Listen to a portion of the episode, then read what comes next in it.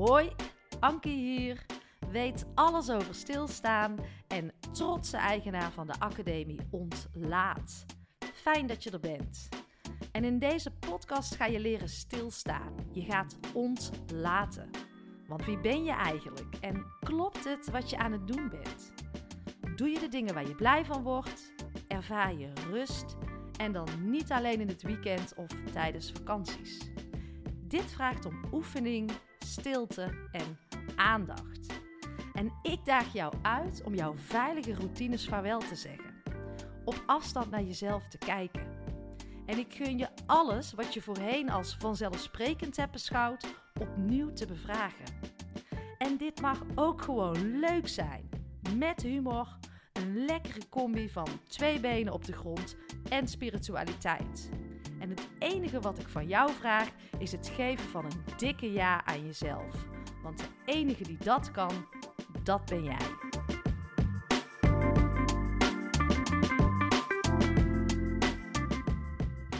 Yes, we gaan beginnen. Fijn dat je er bent. Fijn dat je luistert. Ja, deze keer weer een interview. Want uh, naast mijn Anki Only's, uh, korte en krachtige afleveringen die ik elke maandag en vrijdag lanceer, maak ik ook interviews. En deze keer ook weer een bijzondere gast, want ik ging in gesprek met uh, hoogleraar professor Liesbeth van Rossum. En Liesbeth weet echt alles over obesitas. Waanzinnig uh, interessant. En ja, ik zie het aantal abonnees op mijn podcast alleen maar stijgen. En ik verwacht ook echt met deze aflevering weer een nieuw publiek uh, te bereiken. En daarom vind ik het even belangrijk om mezelf voor te stellen. Ik ben dus Ankie, hoi, stilstaan-expert, uh, weet alles over ontlaten. En daarin blijf ik ook uh, ontwikkelen natuurlijk, want je bent nooit uh, uitgeleerd. Ik heb mijn eigen podcastkanaal Stilstaan met Ankie. En ik ben trotse eigenaar van de Academie Ontlaat, een programma voor organisaties gericht op welzijn, vitaliteit, mentale fitheid, maar ook gericht op stilstaan. En ik maak met uh, heel veel liefde podcast voor organisaties. En dan kan je denken aan een podcastserie, een podcast column. Misschien wil je jouw strategische plan wel op een hele andere manier uh, communiceren dan dat je altijd hebt gedaan. En ik zet mijn podcast ook in ter ondersteuning, ter versterking van het uh, programma Ontlaat, waar ik je zojuist over vertelde.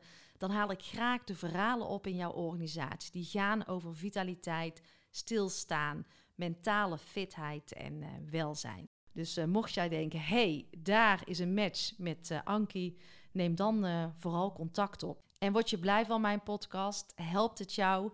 Ik geloof heel erg in die wederkerigheid, samen dingen vanuit een gedeeld geloof verder brengen. Mij help je in ieder geval door een review achter te laten op Spotify of Apple Podcast.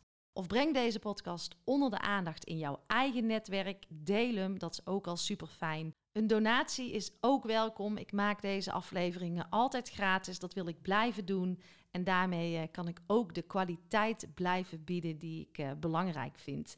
In de show notes uh, vind je alles hierover.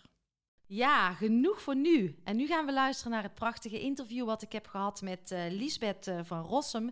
Ik ben trots op dit interview. Trots dat Liesbeth mijn uh, gast is. Het was een heel puur gesprek van mens tot mens, vanuit de wederkerigheid. Heel fijn. En ja, de helft van de Nederlandse volwassenen heeft overgewicht. En nog veel meer mensen leven ongezond. Lifestyle heeft aandacht nodig. En ja, wat gebeurt er dan hè, als een chronische epidemie botst met een uh, virale pandemie? En voedselkeuzes maken we vaak onbewust. Belangrijk om dit ook veel beter te gaan uh, begrijpen. En wat zijn de grootste fabels van het afvallen? En uh, er zit een ontzettend groot gat tussen de wetenschappelijke wereld en de artsen die het toepassen en de mensen die de dieetboeken kopen. Daarin is wat te doen en ik hoop met deze aflevering het gat weer een beetje te dichten. En waarom verkoopt broccoli beter met een sticker van uh, George Clooney? Ben je er klaar voor, uh, Lisbeth? Ja. Dan gaan we beginnen.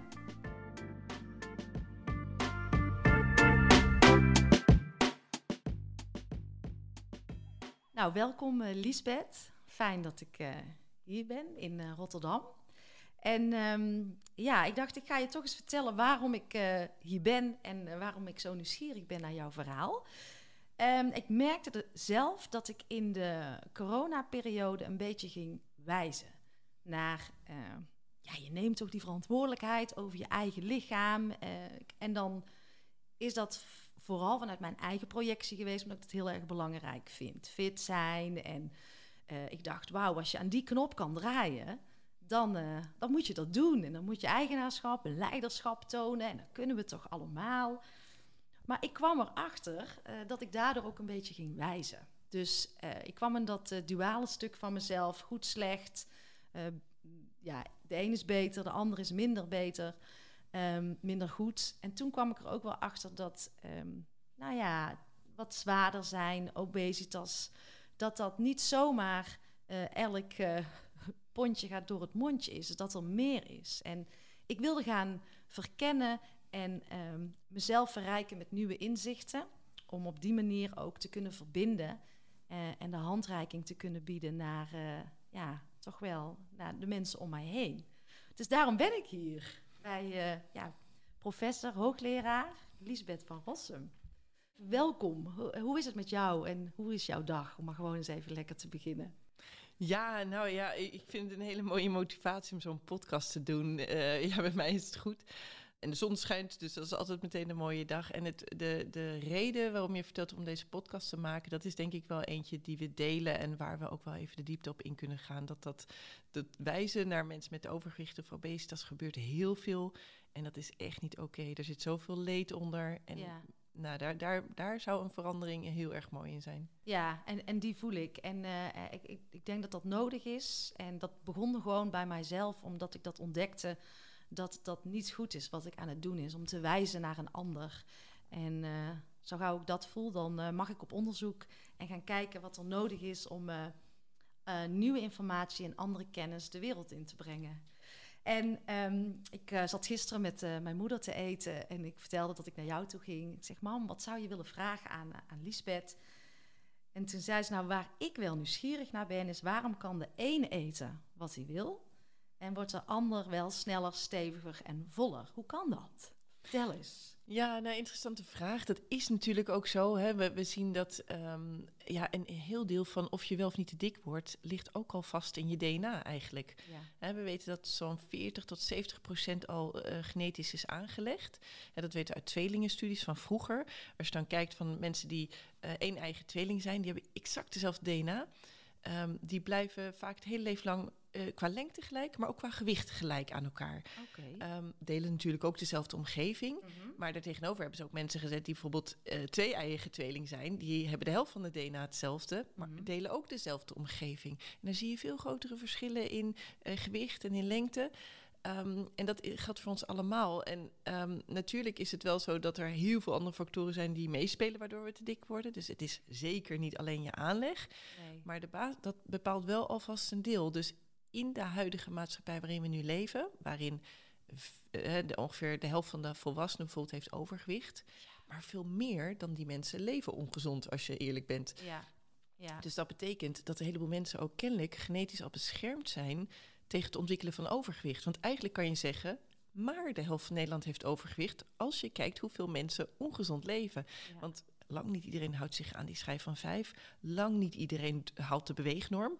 Um, dus eigenlijk zou je verwachten dat nog meer mensen overgewicht hebben. En eerlijk gezegd gaat dat ook wel gebeuren als we helemaal niet ingrijpen in de maatschappij mm -hmm, nu. Mm -hmm. Maar dat is best wel oneerlijk uh, dat de een dat veel eerder ontwikkelt dan de ander. Ja. En ik noem nu degene als ba uh, basis, maar dat uitzicht natuurlijk in allerlei andere factoren die op het lichaam dan ook uitwerken. Allerlei processen ja. die soms anders lopen in het, in, in het, lichaam dan bij een ander. Dus dat ja. is ook in aanleg oneerlijk. Wil niet zeggen dat je er dus niks zelf aan kan doen, want nee. je hebt dus een heel stuk waar je wel nog invloed op uit kan oefenen. Ja, dat ligt absoluut een uh, relatie. En ik, ik vroeg die vraag, uh, ik vroeg het ook aan mijn dochter Tess. Ik zeg, wat wil jij weten van, uh, van een professor? En toen zei ze, mama, ik wil weten waarom veel jongeren overgewicht hebben.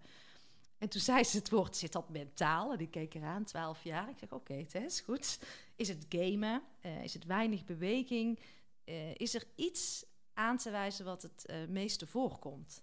Dat was haar vraag. Oh, wat een goede vraag. Nou, ik denk dat ze eigenlijk gelijk, gelijk heeft in alle factoren al die ze noemt. Dat het is eigenlijk nooit één ding. Er is nooit bijna iemand te dik geworden van één ding niet goed doen. Het is bijna altijd een combinatie van een heleboel dingen die meespelen. Mhm. Ofwel in gedrag, inderdaad ongezond eten of te weinig bewegen of te veel stilzitten, hè, zoals bij gamen. Maar het kan inderdaad ook stress zijn of uh, te weinig slaap.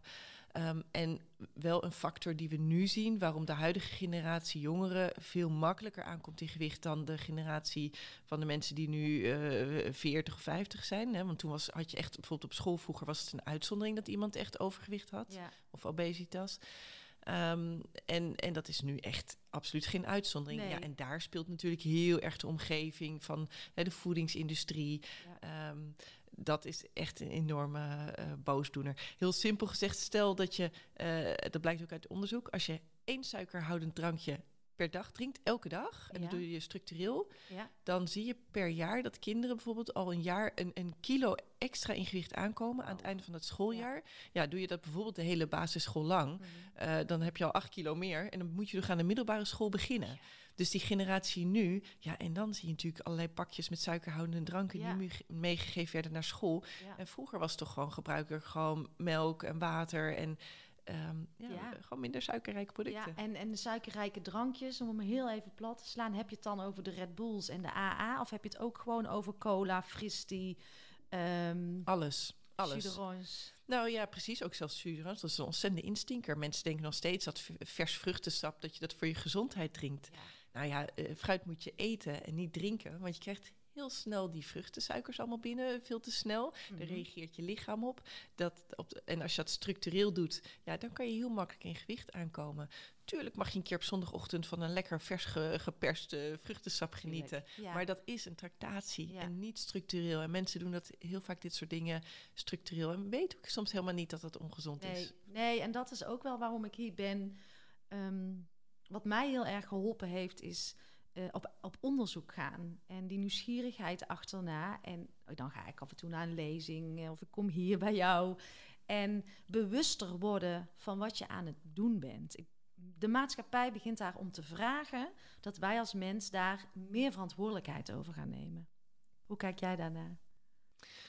Ja, dat, dat is denk ik een, een, een aspect. En ik denk dat het zeker is dat iedereen, een, voor een deel is het belangrijk dat iedereen individuele verantwoordelijkheid neemt. Want mhm. daar ben je zelf bij. Zeker. Maar er zit ook een andere kant aan. En die wordt heel vaak overgeslagen. Um, als je kijkt hoe wij onze voedselkeuzes maken. Mhm. Ehm, en we maken er heel veel per dag, wel ruim 200 per dag. Mm -hmm. En verreweg de meeste voedselkeuzes zijn onbewust. Um, en het, het, het, het kleine gedeelte waarin je bewuste keuzes kan maken, dan kan je natuurlijk heel bewust kiezen. Nou, ik kies een salade, want die is gezond en ik neem niet dat stuk chocola. Prima. Die zal iedereen nog herkennen. Ja, die zou je, ja, terwijl die chocolade die longt. ja. en, maar waarom doen we dat vaak niet? Nou, dat heeft te maken met eigenlijk hoe ons lichaam op onze omgeving reageert. We hebben in ons lichaam, maken we um, die voedselkeuzes die onbewust gaan, worden ook gestuurd door bijvoorbeeld hongerhormonen die we, die we in ons lichaam hebben. Ja. Je maakt uh, als je iets ziet of ruikt, ga je hongerhormonen aanmaken, bijvoorbeeld geline. Mhm. En op een gegeven moment eet je iets en dan stop je op een gegeven moment weer met eten. En dat komt uh, niet zozeer omdat die maag vol zit, maar dat komt vooral omdat je verzadigingshormonen aan gaat maken. En die geven een signaal af aan, aan je brein van, nou, nu zit ik vol. Um, en daar kan je dan soms doorheen eten. Uh, en dat gaat via een ander mechanisme, namelijk je beloningssysteem. Mm. Noemen we dat ons hedonisch systeem. En dan eten we niet zozeer omdat we biologisch gezien honger hebben, want we hebben dat volle gevoel eigenlijk al. Maar we eten daardoorheen gewoon omdat het super lekker is. Omdat we gewoon ontzettend zin hebben in, die, in dat grote stuk chocola. En dat geeft ons een heel comfortabel, lekker gevoel. En dat is wat, wat um, waar de huidige maatschappij en de voedselomgeving met name ons heel erg op stuurt. Als je nu ergens komt, bijvoorbeeld bij een tankstation of op een centraal station, overal om je heen zie je dat soort producten. En ja, als je dan hebt met die vragen van je dochter, met, met jongeren bijvoorbeeld, ja, op scholen ook. Dan ligt ook die roze koek ligt, ligt naast dat verkoren broodje. Um, en, of de snackmachines erbij. En die staan er ook aan bloot. Ja, en wij reageren met onze lichaam, onze hersenen reageren we erop. En dan willen we het en het geeft een lekker gevoel. Ja. En dat zijn niet altijd even bewuste keuzes. Nee, is dat dan, zit daar een stukje dopamine bij? eh, wat het Zeker, lokt? ja. Dat is een van de hormonen die... die eh, want je hebt dus allemaal verzadigingshormonen uit die darmen. Ja, die hebben allemaal allerlei andere namen. Eén daarvan is GLP-1. En die noem ik even omdat er obesitasmedicijnen zijn... die een zusje daarvan zijn. Dus dat Ja. is een beroemde, zeg maar. Ja, Maar dat is jouw biologische verzadigingsgevoel. Maar dat Mhm. hedonisch systeem, dat gaat inderdaad onder andere via gelukshormonen, dopamine, serotonine ja. en ook endocannabinoïden. Dat zijn allemaal stoffen die gewoon lekker een comfortabel gevoel geven. Ja. En dat, eh, dat longt ons dus, omdat dat dan iets, een beloning triggert, een lekker gevoel. Ja, klopt. Oké, nou dan heb jij ook nog eens het prachtige boek ehm, Vet Belangrijk geschreven. Eh, feiten en fabels over voeding, vetverbranding en eh, verborgen dikmakers. En ik vind dat jij dat altijd keurig doet als het over het boek gaat, noem jij ook Mariette Boon. Zeker, dat ik doe ik al ook. klaar om dat te zeggen. Want ik vind het, we, we hebben het echt samen geschreven. Ja. We hebben zoveel plezier Ja. ervan gehad. Ja, en dat vind ik tof ja, dat je dat doet. zij is ook arts en wetenschapper. En eh, ja, dat was Samen. heerlijk om dat samen... Het is echt een feest om het samen te schrijven. Een eh, internationale bestseller staat hier ook op, eh, op, het, eh, op de kaft. En ja, het is ook wel gaaf om te horen dat die vertaald wordt in andere landen. omdat het, geloof ik, een belangrijk thema is. Dat we er nog veel over mogen leren. Ja, het is wel grappig, want het is zeker niet in Nederland alleen maar een probleem. Obesitas speelt in Amerika, maar ook in China. Ook, ja, het is inderdaad naar richting Azië in allerlei talen, ook in, in, in het Arabisch. vertaald ook dus 29 Arabische landen weer. Dus je ziet in alle delen van de wereld dat er toch interesse komt van wat moet je er eigenlijk mee? Want zoals ze het nu doen, gaat die epidemie maar verder. Ja, ja, ja. Dus er ontstaat wel eh, toch wel een eh, behoefte om hier eh, meer over te weten bij mensen. Ja, Want jij schreef ook, hè, of tenminste, ik las in een artikel: 30% van de wereldbevolking is te zwaar. Dat gaat over ruim 2 miljard mensen. Ja, het is een hoop. En Ja, dat zie je nu eigenlijk ook met die hele corona-epidemie natuurlijk. Hè. Dat, dat wat er eigenlijk daar is gebeurd, waarom die zo heftig over de wereld was, Mhm. is natuurlijk dat er een chronische epidemie van obesitas botste met een acute virale pandemie. Mhm. Want, want de, de risicofactoren ook in Nederland, waar, om op de intensive care te komen bijvoorbeeld, is dat je eh, man was, Ja, hoge leeftijd ja, ehm, of overgewicht had. Dat waren de drie grootste risicofactoren. Ja, en man en hoge leeftijd, ja, daar, dat verander je niet. ja.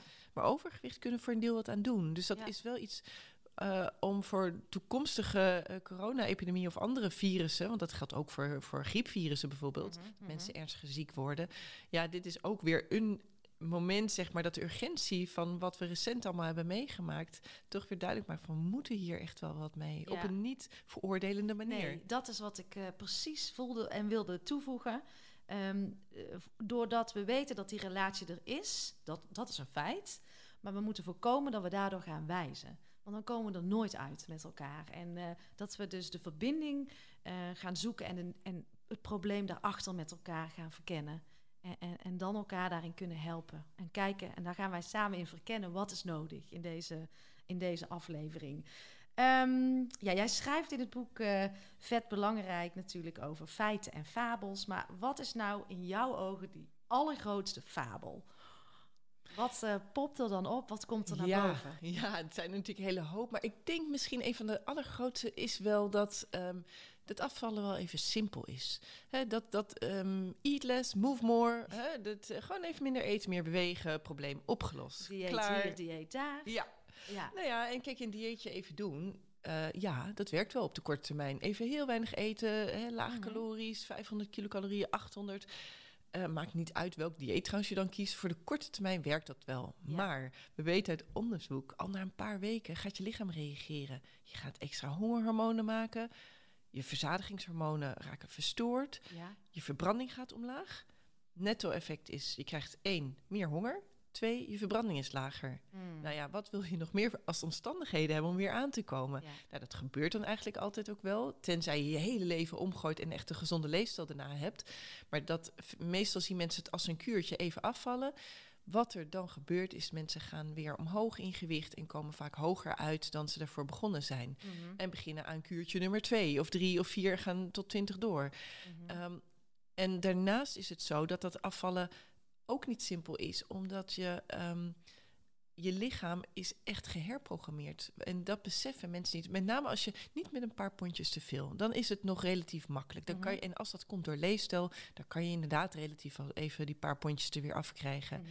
Maar stel nou, je hebt echt een body mass index van 30 of hoger, dan noemen we dat obesitas. Dan, vanaf dan is het obesitas. Ja, het is natuurlijk niet een hele harde lijn zetten, maar het gaat erom dat je dan te veel vet hebt, want daar gaat het over mhm, eigenlijk.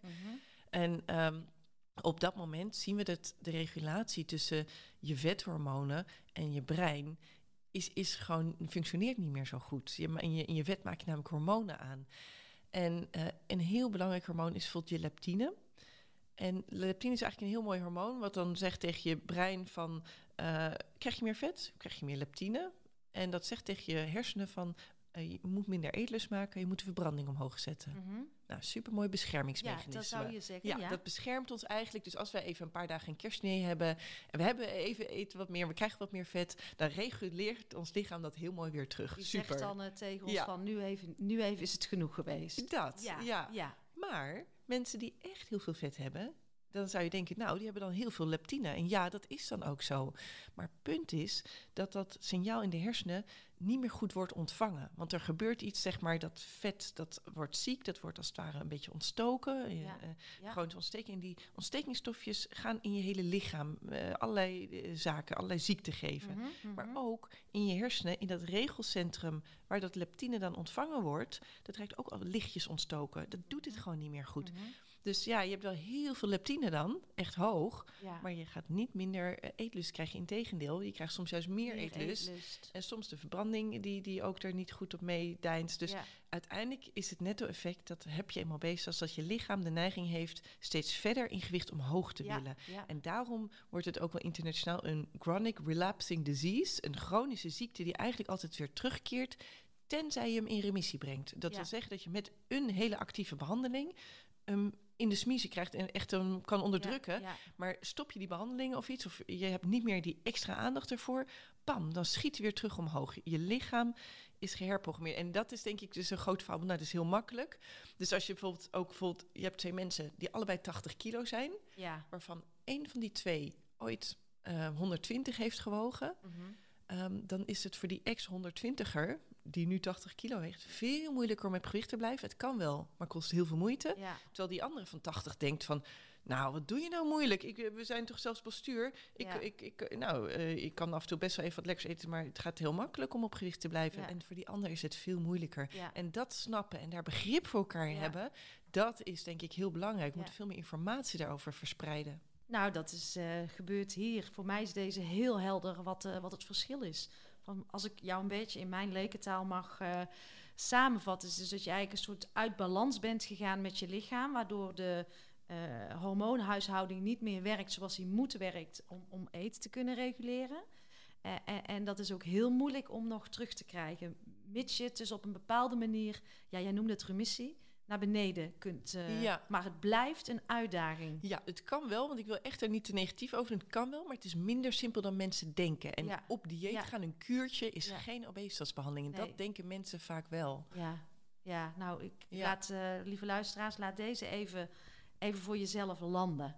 En uh, kijken wat je er zelf mee wil uh, in jouw uh, directe omgeving. Ja, en met hormonenhuishouding denken vaak mensen aan de geslachtshormonen. Die zijn soms ook wel verstoord hierbij. En kan zeker ook leiden tot onvruchtbaarheid. Maar we hebben het hier echt over vet- en eetlusthormonen. En dat ja. zijn een ander type hormonen dan de mensen, meeste mensen kennen ook. Ja, we gaan even een luisteraar inbellen. En dat is Carlijn.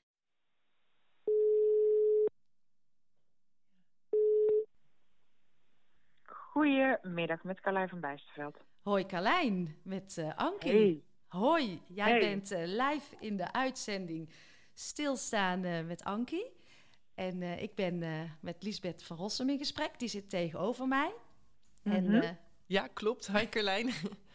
Hoi. Hoi, dus Carlijn, ik zou zeggen, stel je even voor en, en, en stel vooral daarna jouw vraag aan Lisbeth. Ga lekker even in gesprek met elkaar. The floor ja, is yours. Thank you. Nou, ik uh, vind mijn eerste podcast debuut, dus ik vind het ook wel een beetje spannend en raar om zo uh, met elkaar in gesprek te gaan.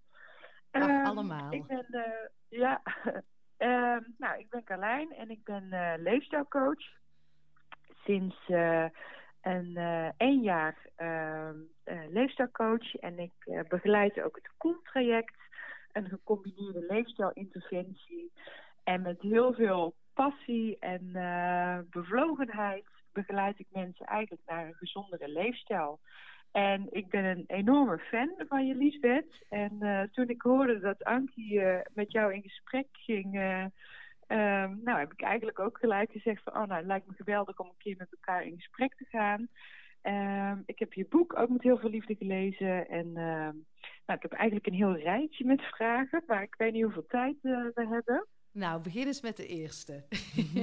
nou, de, Uh, ik denk dat, uh, daar ga ik wel even invullen, maar sinds 1 april is natuurlijk Saxenda, het medicijn wat in het basispakket is opgenomen, is, is goedgekeurd. En ik, ehm, ik denk, nou ja, mijn agenda ontploft onderhand en mijn telefoon staat soort van rood gloeiend, omdat mensen allemaal vragen hebben en er veel onduidelijk is en mensen willen weten hoe en wat. En ik denk dat het bij heel veel zorgprofessionals ook zo is.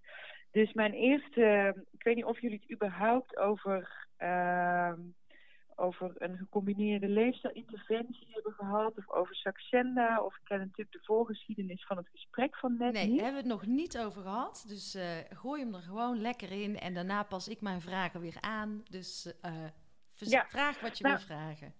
Nou, als eerste wou ik eigenlijk vragen van ja, wat doet het medicijn Saxenda precies? Hoe werkt het? Nou, hele mooie vraag. Uh, ja, allereerst is natuurlijk, nou, dankjewel voor je mooie woorden en ook heel erg leuk om te horen dat je zo actief bezig bent met het Cool-programma. Het is natuurlijk een van de mm-hmm. gecombineerde leesinterventies. Um, ook even voor de luisteraars, dat is altijd heel erg belangrijk dat uh, mensen, we hadden het net over van wat, wat werkt niet, hè, van zo'n kort dieetkuurtje, zo'n crash dieet waar we het over hadden, de, daar waren we net beland. Ja. Hè, dit soort dingen moeten we, het, het hele behandelingaspect moeten we nog uh, bespreken.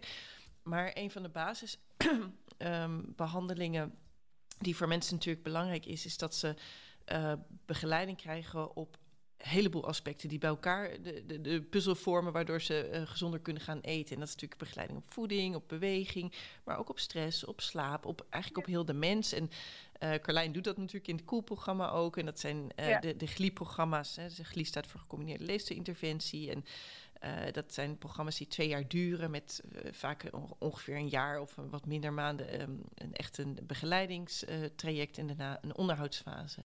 Sorry dat ik heel even onderbreek, maar die coaching die snap ik. Maar wat doet dat medicijn dan precies, wat Carlijn ook vraagt?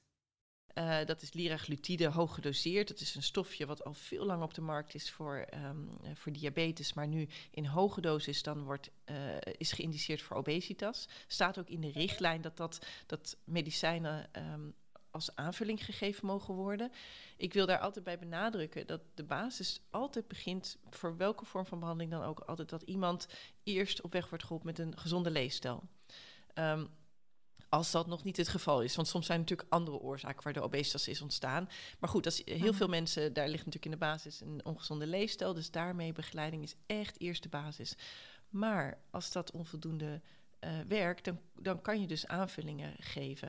Zoals het uh, medicijn Saxenda waar jullie over spreken. Ik snap hem. Toch nog heel even terug naar de vraag van Carlijn, om die even scherp te maken. Wat doet het medicijn? Dat is eigenlijk een zusje van het verzadigingshormoon GLP-1. Um, en dat ja. zorgt uh, onder andere dat je sneller een vol gevoel krijgt. Um, maar het is niet het enige werkingsmechanisme. Er wordt vaak gedacht, ja, het is gewoon een eetlusremmer. Dus als ik uh, al gezond eet, dan heeft dat geen effect. Nou, dat is niet zo. Uh -huh. We weten uh, dat het veel meer effecten op het lichaam heeft. Echt heel veel. Ook, ook, op hart, op nieren. Dus allerlei beschermende effecten. Het werkt ook anti-ontstekingseffecten zijn er beschreven. Um, effecten op de verbranding worden nog onderzocht op dit moment. Um, en er zijn nog meer effecten en nog niet alles is opgehelderd. Maar wat we wel in de praktijk zien, is dat soms mensen die al een hele goede leefstijl hebben, daar ook nog op afvallen. Dus het is niet zo van, het is alleen maar een etensremmer en alleen via dat mechanisme gaat het. Maar ook mogelijk via dan die andere mechanismen waarvan we niet eens nog alles kennen, kunnen mensen toch nog bovenop een gezonde leefstijl extra afvallen. En juist voor de mensen die bijvoorbeeld heel ernstig overgewicht hebben, ja, dan is dat ja. natuurlijk ook uh, een mooie aanvulling. Ja, En, en hoe, hoe zie jij het, zeg maar, hoe kunnen wij als alle schakels in zorgland zo goed mogelijk samenwerken om mensen te begeleiden naar die positieve gezondheid? Wat is jouw visie daarop? Ja, ik denk, die, uh, je noemt positieve gezondheid. Ik denk dat dat natuurlijk in, in uh, dat is een term die natuurlijk voor een, een bepaald model staat. Maar ik denk in heel veel vormen van de GLI zit ook gewoon heel de mens. Zit, zit die stress, die slaap, ook die zingeving, zit er allemaal in. Het gaat natuurlijk heel vaak niet over, oh, hoeveel kilo wil je afvallen? Nee, het gaat om um, hoe... Kwaliteit van leven. Dat, echt. Van, kan jij weer achter je kleinkinderen aanrennen? Of kan je weer op de fiets naar je werk en gaan je knieën minder pijn doen? Er zijn allerlei redenen waarom iemand weer een ander leven wil. En dat is denk ik bij uitstek wat in een GLI-programma echt heel mooi gebeurt. Ja. ja wat raad jij uh, cliënten of patiënten aan? Want ik krijg inderdaad heel veel mensen inderdaad met een, met een heel hoog BMI nu, die ook aan de slag zijn al met, met, uh, met die gezonde leefstijl. Wat, uh, wat is jouw aanraden als de obesitasarts om, om, om de weg te bewandelen? Nou ja, eigenlijk, eigenlijk zou ik gewoon altijd gewoon de richtlijnen volgen. En de richtlijn wordt nu herzien. Dus in, in, in het najaar zal er een nieuwe richtlijn uitkomen. Maar de richtlijn nu, die is eigenlijk ook nog hierop heel erg van toepassing. Dat is afhankelijk van je gewichtsgerelateerd risico. Hè, bijvoorbeeld BMI 25 of hoger en uh, met, met bijkomende aandoeningen, denk aan hoge bloeddruk of 30 en hoger. Dat, daar is natuurlijk de gecombineerde leesteninterventie voor geïndiceerd als eerste stap. En heeft dat onvoldoende effect na een jaar, dan komt medicatie in beeld, zeg maar, als aanvulling. Dat is wat de huidige richtlijn zegt. Voor die hele ernstige categorie van bijvoorbeeld uh, BMI 35 of hoger met bijkomende aandoening of uh, eh, 40 en hoger, dan zegt de richtlijn, dan mag je al veel vroeger in het proces naar oordeel van, van uh, de zorgverlener al medicatie inzetten. En dan is het soms ook ondersteunend. We hadden het net ook over dat bijvoorbeeld bij ernstige obesitas vaak ook de verzadigingshormonen, dat, dat mechanisme wat verstoord is. En dan kan het ook ondersteunend zijn aan een mechanisme wat in het lichaam gewoon een beetje kapot is. Dat die verzadiging doet het gewoon niet meer zo goed. Ja, dan kan je iemand natuurlijk met een verzadigingshormoon ook een beetje ondersteunen om bijvoorbeeld eerder te stoppen met eten. Want ja, als je heel veel honger hebt en je, je krijgt niet een seintje nadat je hebt, een vol bord op hebt en je zit nog niet vol. Mhm. Dan ga je natuurlijk veel makkelijker een tweede bord opscheppen. En als zo'n medicijn ondersteunend eraan kan zijn, dan kan je daar heel gelijk in op. Ik denk nooit wat we moeten willen, is dat iemand nog een liter cola per dag drinkt en vervolgens een spuitje zet om de obesitas weg te spuiten. dat, dat, is niet wat de richtlijn zegt en waar we als maatschappij ook niet heen moeten willen. Nee, nee. nee zeker. En als laatste, mag ik nog een laatste vraag stellen? Nou, omdat het jouw uh, podcastdebuut is, vooruit. Mooie vraag. Ja, ja, ja. Dankjewel, dankjewel. Uh, als laatste, hoe zie jij de toekomst wat betreft obesitas? Waar gaat het naartoe? Of waar willen we naartoe?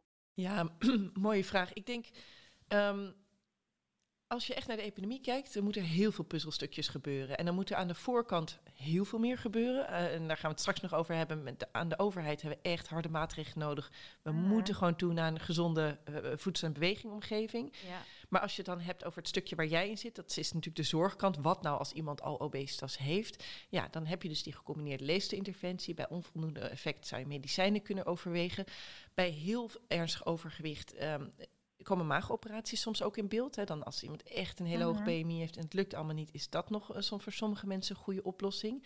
Maar als ik naar de toekomst kijk, uh, en dat is eigenlijk nabije toekomst al, er komen alleen al waarschijnlijk dit jaar al twee andere middelen die op dit moment beoordeeld worden voor of ze ook niet in het basispakket moeten worden opgenomen. We moeten obesitas echt zien, als je het eenmaal hebt, is je lichaam geherprogrammeerd, het is een ziekte, moet je behandelen. Natuurlijk moet je hem extreem je best doen om te gaan voorkomen. Dat, dat is sowieso. Mhm. Maar als je het eenmaal hebt, moet je het serieus nemen. En ik weet nu, we, we, hebben uh, allemaal wetenschappelijke congressen, natuurlijk nu internationaal. Er zijn nu middelen in de pijplijn die onderzocht worden, die ook de strijd alweer winnen van semaglutide. Ik denk dat ook mensen goed een afweging moeten maken van, goh, als je op het punt staat geopereerd te worden, ja. ja. als je weet dat je binnenkort veel effectievere medicatie komt, waarbij altijd de basis wel de gezonde leefstijl is. Ja en dat er, dat er bovenop komt, ja, ik, ik, dan, dan is dat wel een interessante ontwikkeling om te volgen. Ja, nou ja, super interessant.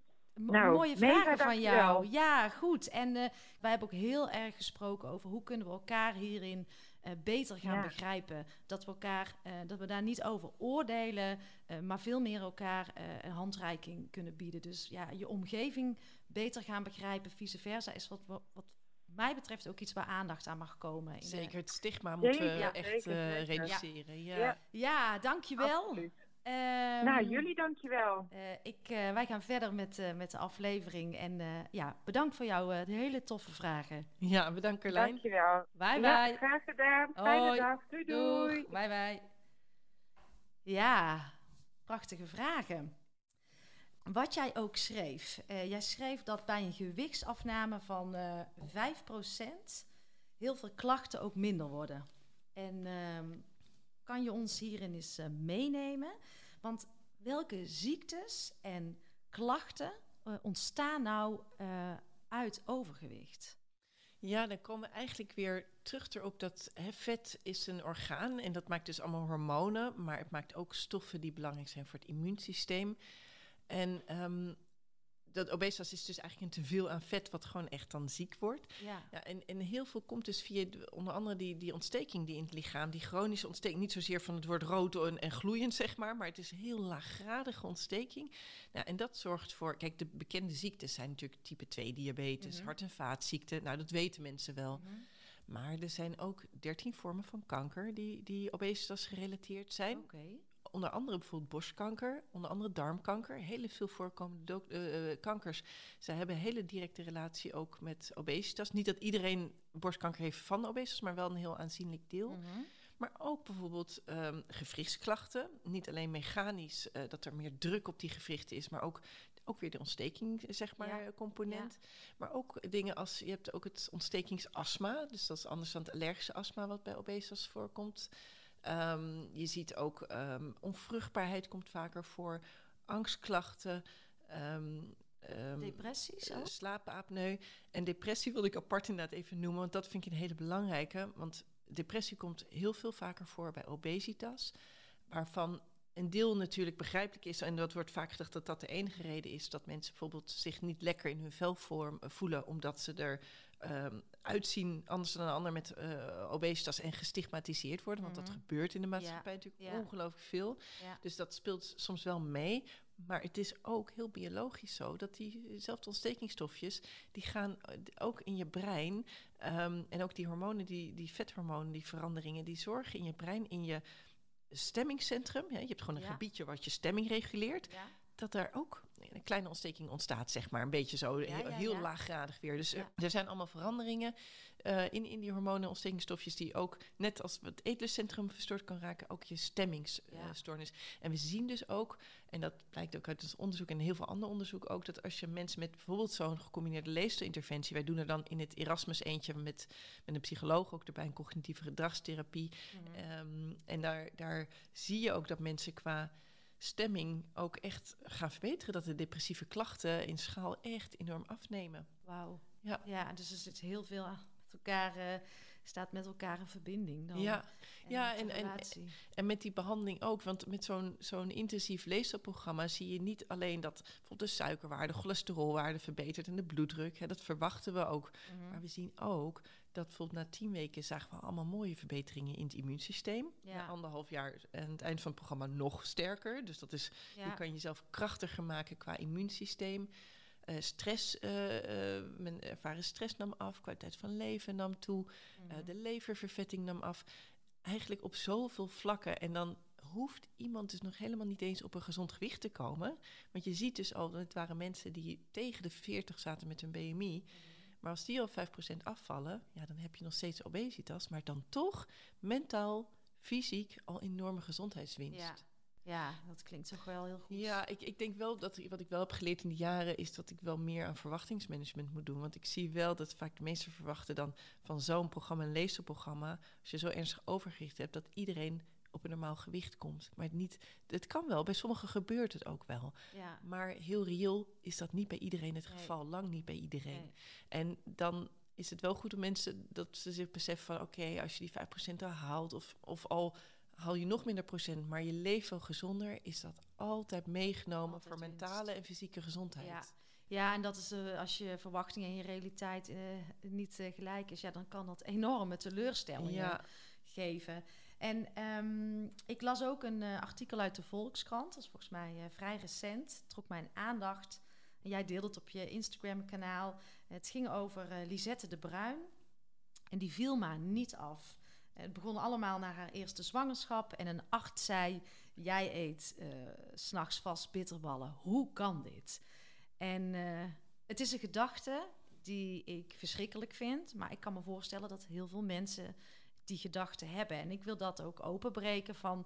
Um, ja, waarom zeggen we zulke dingen? Want het lijkt mij in ieder geval ontzettend pijnlijk. Maar um, ja, hoe komt het dat zo'n arts daar onvoldoende uh, handvatten in heeft... en dit soort dingen dus kan zeggen? Ja, ik denk, we moeten ons realiseren. Ja, ik ben zelf arts en uh, mijn collega-artsen, het zijn ook allemaal mensen en die hebben een opleiding gehad. En vroeger in de opleiding, en tot nu toe ook nog heel beperkt, zat obesitas heel weinig in de opleiding. Ja.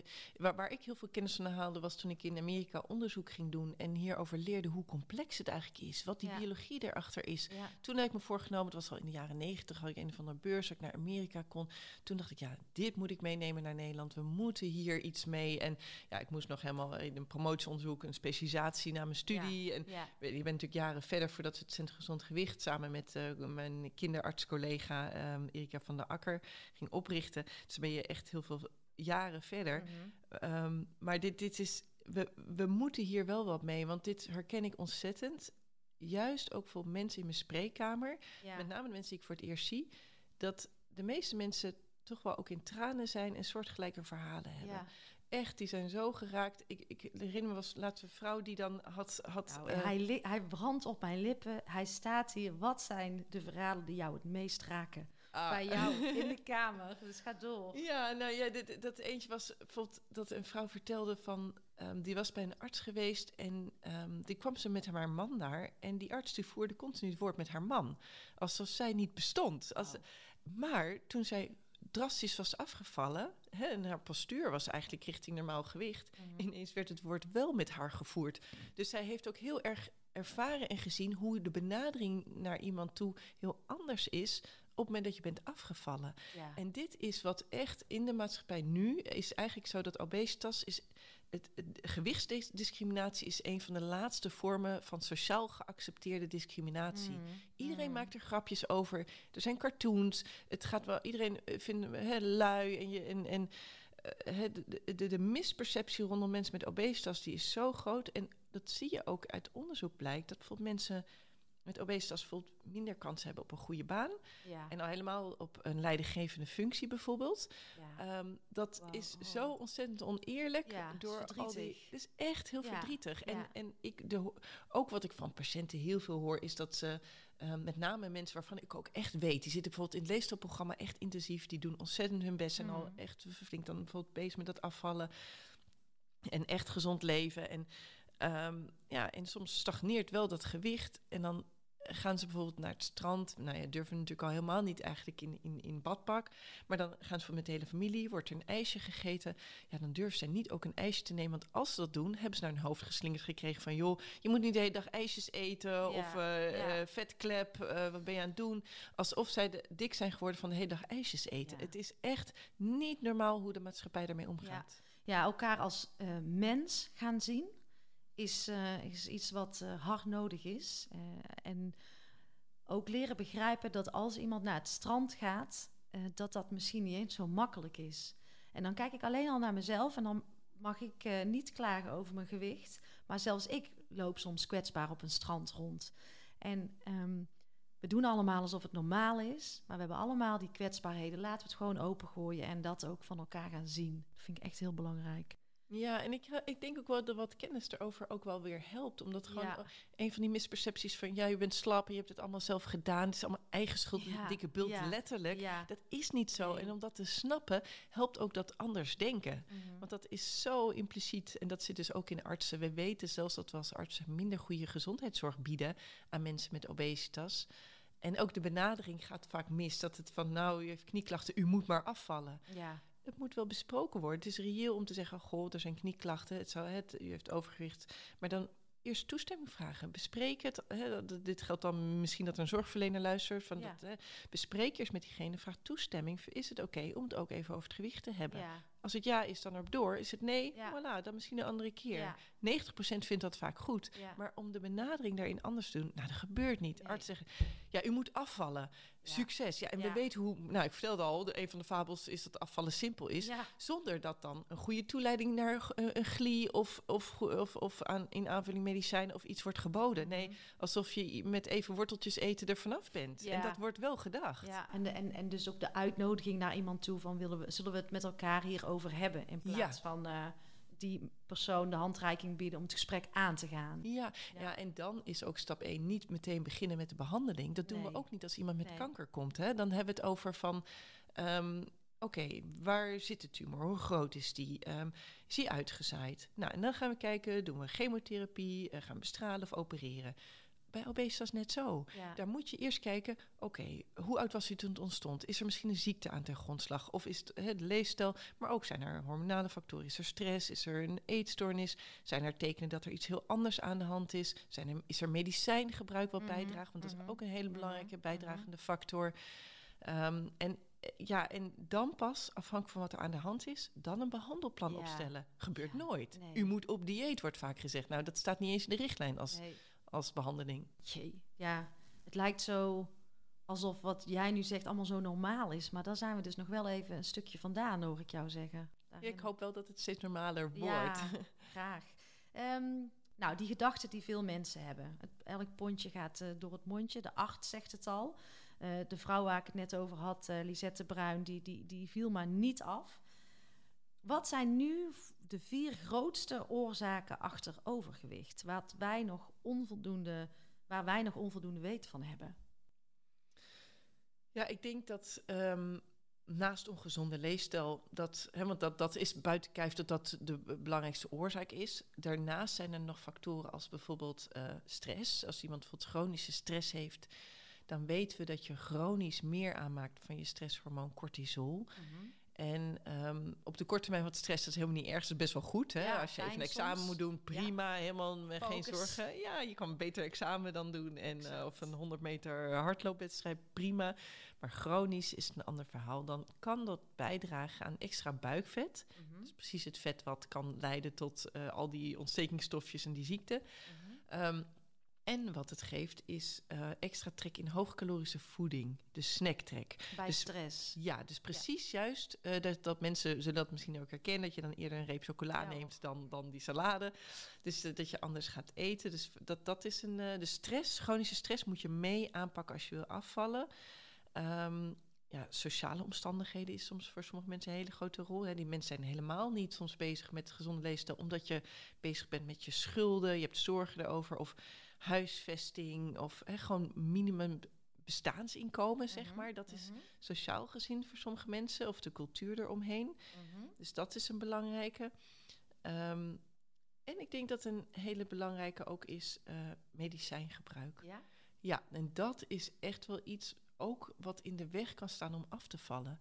We zagen in een onderzoekje dat bijvoorbeeld mensen die obesitas hebben, dat de helft van deze mensen minimaal één medicijn of meer gebruikte, wat um, afvallen in de weg kan gaan staan. Mhm. Dus dan. Um, van sommige medicijnen weten we het heel goed. Bepaalde antidepressiva, antiepileptica, antipsychotica. Maar ook middelen tegen bepaalde, niet allemaal hoor, maar bepaalde middelen tegen hoge bloeddruk, uh, tegen diabetes, uh, maagzuurremmers, corticosteroïden. Allerlei middelen die juist uh, heel vaak worden gegeven bij mensen met obesitas. Mm -hmm. Daar zie je dan van dat dat, um, ja, dat dat gebruikt wordt door mensen met obesitas en dat dat eigenlijk een soort van win tegen kan geven. Ja, ja, dat, um, het, en dan is de kunst om toch als iemand dat gebruikt, om dan even met de arts overleg van, goh, ik gebruik deze medicijnen, mhm. zitten er middelen in die als bijwerking een gewichtstoename hebben? En zo ja, kunnen die misschien tijdelijk verlaagd of gestopt worden? Nooit zelf dat doen, dat vind ik een belangrijk om te zeggen, maar overleg met de voorschrijver, bijvoorbeeld de huisarts als die dat is, van goh, die hoge bloeddrukmiddelen, zouden die een tijdje verlaagd kunnen worden? Als ze net bijvoorbeeld zo'n glie ingaan, zo'n ja. gecombineerde leefstijl. Als je net, want dat is, een, uh, dat is een behandeling die zorgt dat ook niet het gewicht alleen omlaag gaat, maar ook de bloeddruk, de stemming wordt beter, de cholesterol gaat omlaag. Mhm. Dus heel veel van die middelen zie je ook van als ze tijdelijk verlaagd of gestopt worden, dat ze dan ook niet eens meer nodig zijn. Ja, uh, precies, want die slik je eigenlijk al omdat je overgewicht had. Klopt, ja. ja, ja, En een hele verhaallijke daarbij is bijvoorbeeld uh, ja, de corticosteroïden. Daar heb je allerlei varianten van. En de prednison-tabletten, die zijn vrij bekend. Mhm. er zijn mensen die dat uh, in hoge dosering lang gebruiken. Ja, die hebben ontzettend de wind tegen. Die komen heel hard aan vaak. En dat is er ook heel moeilijk weer af te krijgen. Het kan wel, maar je moet ontzettend hard werken. En dat is echt tegen de stroom in. En soms zitten dat soort dingen eronder. En daar mhm. begrip en aandacht voor hebben is echt heel belangrijk. Ja, ja dus ik hoor jou zeggen, stress is uh, iets wat echt wel een, uh, een factor kan zijn. Je sociale omgeving, medicijnen. Dan mag je er nog eentje noemen, nummer vier. Ja, nou wat ik misschien bijzonder vind, dat is eentje waarvan we dachten dat het super zeldzaam was. Um, maar dat is wel iets toch wel wat voorkomt. Uh, met name, um, dat is een, een, monogenetische vorm van obesitas. We hadden het in het begin over genen, maar dan heb je het eigenlijk over polygenetische. En dat dit poly betekent gewoon meerdere genen die betrokken zijn. Mm Het is gewoon een bepaalde erfelijke aanleg die je wel of niet hebt. Net zo goed als je bruine ogen hebt of blauwe ogen. Dat is niet per se pathologisch, hè, ziekelijk of zo, maar gewoon, dat is gewoon een aanleg. Ja. Waar ik het nu over heb, is dat sommige mensen hebben echt een schrijffoutje in één gen wat direct leidt al tot obesitas. Ja. En die kan je herkennen aan die, die zijn bijvoorbeeld nu volwassen, maar die hebben het al sinds de kinderleeftijd, ja. hebben extreem hongergevoel ja. en zijn vaak de enige in het gezin of hebben een opvallend gewichtsverschil met de andere familieleden. Mm -hmm. Dus bijvoorbeeld uh, ja, dus dat beide ouders gewoon slank zijn en broers en zussen ook. Maar één iemand springt eruit. En die heeft bijvoorbeeld nooit een verzadigingsgevoel. Nee. En waarom ik dat noem, is omdat we bij echt mensen die echt ernstig overgewicht hebben en die daar hulp voor zoeken. Daar hebben we in een onderzoek gedaan aan ruim 1200 mensen. En dan zagen we toch wel dat 4 tot wel 9 procent van de mensen dat hadden. Mhm. Dus het is, ja, het is zeldzaam. Maar als je nu hoort van, hé, hey, ik herken dit. Ik heb van kinds af aan obesitas, extreme honger. En of ik ben de enige in het gezin, ja, neem dan toch even contact op met je huisarts. Of je doorgestuurd kan worden naar een gespecialiseerd obesitascentrum. Want daar zijn andere therapieën voor mogelijk. Dit zijn mensen die hebben al twintig keer bij diëtistes op dieet gestaan. Dat helpt helemaal niet. En de uh, kwaliteit van leven is extreem laag. Want dit zijn mensen die zijn altijd hongerig. En ik weet niet of je zelf, ja, als, als ik honger heb, ja, ik eet ook dan lekker, want dan heb ik gewoon zin in eten. En, ja. en als je je voorstelt dat je niet een verzadigingsgevoel hebt, ja, dan kan je heel makkelijk drie pizza's eten en je zit nog niet vol. Nou, dat is echt hele lage kwaliteit van leven. Mij ook een echt afschuwelijk. Als je daarmee uh, rondloopt, eh, om daar ook wat begrip voor te hebben vanuit, uh, ja, vanuit ons, maar ook zelf aan de bel te trekken als je dat uh, nu herkent.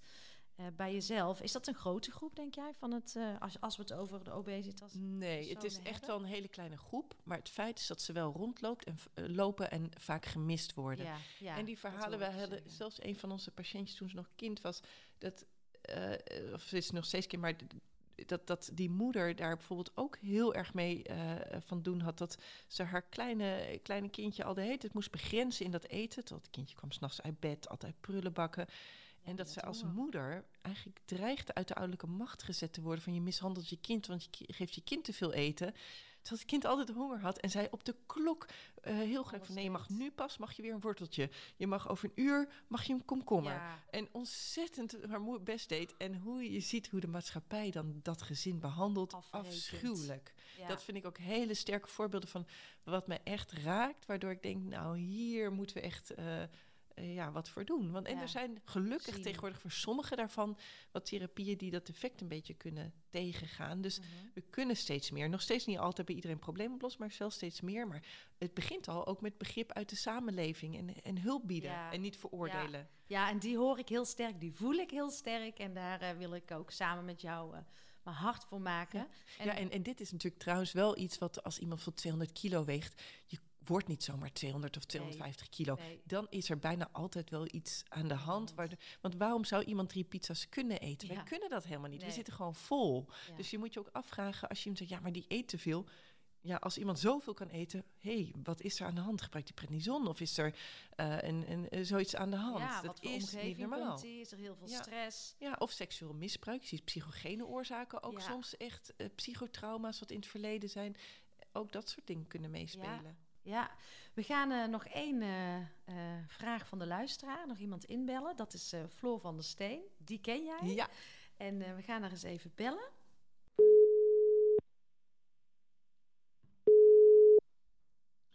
Hallo met Floor. Dag Floor, met Ankie. Hallo. Hoi. Jij bent uh, live in de uitzending die ik uh, samen aan het maken ben met uh, Lisbeth van Rossum.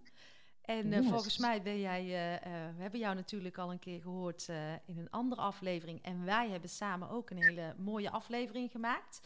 Um, jij hebt me eigenlijk de eerste inzichten gegeven dat um, overgewicht toch um, omvangrijker is dan dat ik altijd heb gedacht. En je bent zelf 45 kilo afgevallen. En ja. Ja, Lisbeth en jij, dat weet ik toevallig, jullie kennen elkaar. Dus uh, ik, ik, zou zeggen, stel je eerst eens even voor wat je doet en uh, stel je vraag vooral aan uh, Lisbeth. Ja, nou, ik ben Floor en ehm, naast dat ik um, psychiatrisch verpleegkundige ben, um, ja, wist ik eigenlijk wel heel erg veel over het lijf en over het brein. Maar het laatste stukje um, kreeg ik maar niet onder controle. En dat was mijn eigen gewicht. En uh, heel veel pogingen gedaan. En ik denk dat uh, daar heel veel over kan vertellen. Over hoe complex het is om af te vallen. En uiteindelijk, na lang wikken en wegen, heb ik besloten om een uh, te ondergaan. En dat is nu bijna zes jaar geleden. Daar ben ik heel erg blij mee. en toch denk ik wel eens, oh, die kennis die ik nu heb, na zes jaar, had ik het dan uh, nog steeds gedaan. Dus dat is wel eens een dingetje waar ik, uh, ja, wat ik mezelf afvraag. en ja, wat, wat, wa waarom speel je met die gedachte, Floor? Kan je dat eens toelichten? Van waarom je nu denkt, had ik het maar misschien anders kunnen doen? Wat zijn je nieuwe inzichten? Nou, ik denk dat stress de grootste dikmaker is, in ieder geval voor mij. Um, en ik had eigenlijk niet eens door dat ik stress had. Dus ik was een, uh, een vrouw die eigenlijk alles had. En nog steeds trouwens. Hè? Een, uh, een fijn gezin, uh, fijn sociaal leven, werk. Um, en toch was ik, had ik best wel veel stress. En door die stress, dus eigenlijk mezelf voorbij lopen, veel please gedrag, altijd maar klaarstaan voor iedereen. En Janne Alleman, merkte ik dat ik uh, dat, ja, dat ging zoeken in eten. En uh, ja, ik denk dat dat een hele grote, voor mij het grootste inzicht is geweest. Van zou ik dat, uh, heb ik dat nog steeds nodig gehad? Maar dan nog, het is best, als je echt morbide bent zoals ik ben geweest, dan, dan is het heel fijn dat dit bestaat, net zoals medicatie. En dan kan het echt wel een duwtje in de rug zijn om uiteindelijk je leefstijl aan te pakken. Maar het is nooit een quick fix nee, natuurlijk. Nee, die hebben we hier al heel duidelijk uh, gehoord, ook vanuit Liesbeth. Maar ik, uh, ik zou zeggen, Liesbeth zit tegenover mij. Ja, hi Floor. Hoi. ik zou zeggen, uh, stel je vraag, Floor. Ja, nou, uh, hoi Liesbeth. Um, ja, ik ben wel heel erg benieuwd wat jouw drive is. Um, en waarom kom ik op die vraag? Je bent zelf uh, hartstikke slank. Um, en ik ben heel erg benieuwd waarom je zoveel, ja, waarom je zoveel hebt met deze doelgroepen. Wat, wat is je drive? Oh, wat een mooie vraag. Ja, het is misschien wel leuk om even toe te lichten. Uh, ik denk, Floor, wij, wij, hebben elkaar voor het eerst ontmoet in een uh, landelijke promscommissie. En dat ging ja. over dat we uitkomstmaten gingen maken voor mensen die een, een obesitasbehandeling ondergingen. Van wat is nou belangrijk om te meten voor en na? Wat is nou voor deze mensen belangrijk? En dan een combinatie van zorgprofessionals, dus allemaal artsen mm -hmm. uit binnen- en buitenland. En mensen, ervaringsdeskundigen of patiënten die dat hadden meegemaakt uit binnen- en buitenland. En toen hebben we elkaar voor het eerst ontmoet. En ik denk dat we daar echt ook wel een, een, een, een, gezamenlijke missie in hebben om die complexiteit duidelijk te maken. Um, ja, waar mijn drive vandaan komt ik vind dat lastig om te zeggen. Ik vond het. Ik, ik, ik had wel wat dingen wat ik. Um, ja, wat ik gewoon zag. Ik denk als toen in mijn puberteit. Ik was zelf. Um, ik, ik heb inderdaad zelf geen aanleg uh, um, tot obesitas. Dat merk ik. Want ik ben echt altijd niet. Ik, ik let wel op de schijf van vijf eten. Maar ik ben ook niet heilig met eten. En ik denk mm -hmm. dat, er, dat ik soms even gezond eet als sommige patiënten. En, en ja, ik kom daar niet van aan. Ik hou ook heel erg van sporten. En ik merkte vroeger toen ik ook heel veel atletiek ook deed He, dan, dat je heel veel verschillen in lichamen zag. We, we trainden vrij veel. En ik trainde iets van drie keer in de week. Maar ik had ook een aantal vrienden, vriendinnen die trainden wel vijf, zes keer in de week. Supergoed. En, ja, en sommige daarvan bleef bijvoorbeeld een vetlaagje houden. Vond ik verrassend. Zeg, oh, hoe, hoe kan dat nou? En ja. uh, dat zo verschil en, en dat sommige mensen ineens bijvoorbeeld heel makkelijk heel veel spiermassa aanmaken. Dus ik zag maar wat verschillen. En in dezelfde tijd was het zo dat mijn moeder eigenlijk heel vaak op dieet was. Dan, en dan stond ze voor ons lekker gezond te koken, een hele maaltijd. En uh, dan had ze zelf een of ander heel vies uitziend dieetpapje, wat ze dan, dan voor de gezelligheid wel bij ons mee aan tafel opat. Ja, en zij had, had obesitas. Ik weet eigenlijk helemaal niet wat haar gewicht was, maar dat, als ik het herinner, ze, ze leeft niet meer inmiddels. Later pas kwam ik erachter dat, dat er een hele andere oorzaak achter zat. Maar ik heb terugkijkend altijd wel met haar te doen gehad. En dat ik denk, jeetje, achteraf gezien, je had gewoon lekker van het gezonde eten wat je voor ons ook kookte, gewoon mee moeten eten. Het was helemaal niet goed om op dieetpapjes te gaan. Dat, we, dat, dat, dus ik, ik, ik vond dat ook allemaal fascinerend. Waarom werkt dat dan niet bij haar? En, en dat zie ik bij zoveel mensen die zo, juist de mensen eigenlijk die heel hard um, werken daaraan. Um, en het een dieet nog gekker dan het andere. Ik had laatst een patiënt op mijn spreekuur die deed een waterdieet. Die had echt al twee keer oh. water. Nou, gewoon echt ronduit gevaarlijk. Um, ja, die mensen doen zichzelf allerlei schrijnende dingen aan. En, en je werkt je lichaam er meer tegen. En je, lichaam wil nog harder meer gewicht aanmaken. Dus ja, ik vind dat. En daar denk ik van, nou, dit moet anders. Er is zoveel meer kennis. Laten we nou de wetenschap die ik toen in, in Amerika voor het eerst toen in de jaren negentig meekreeg.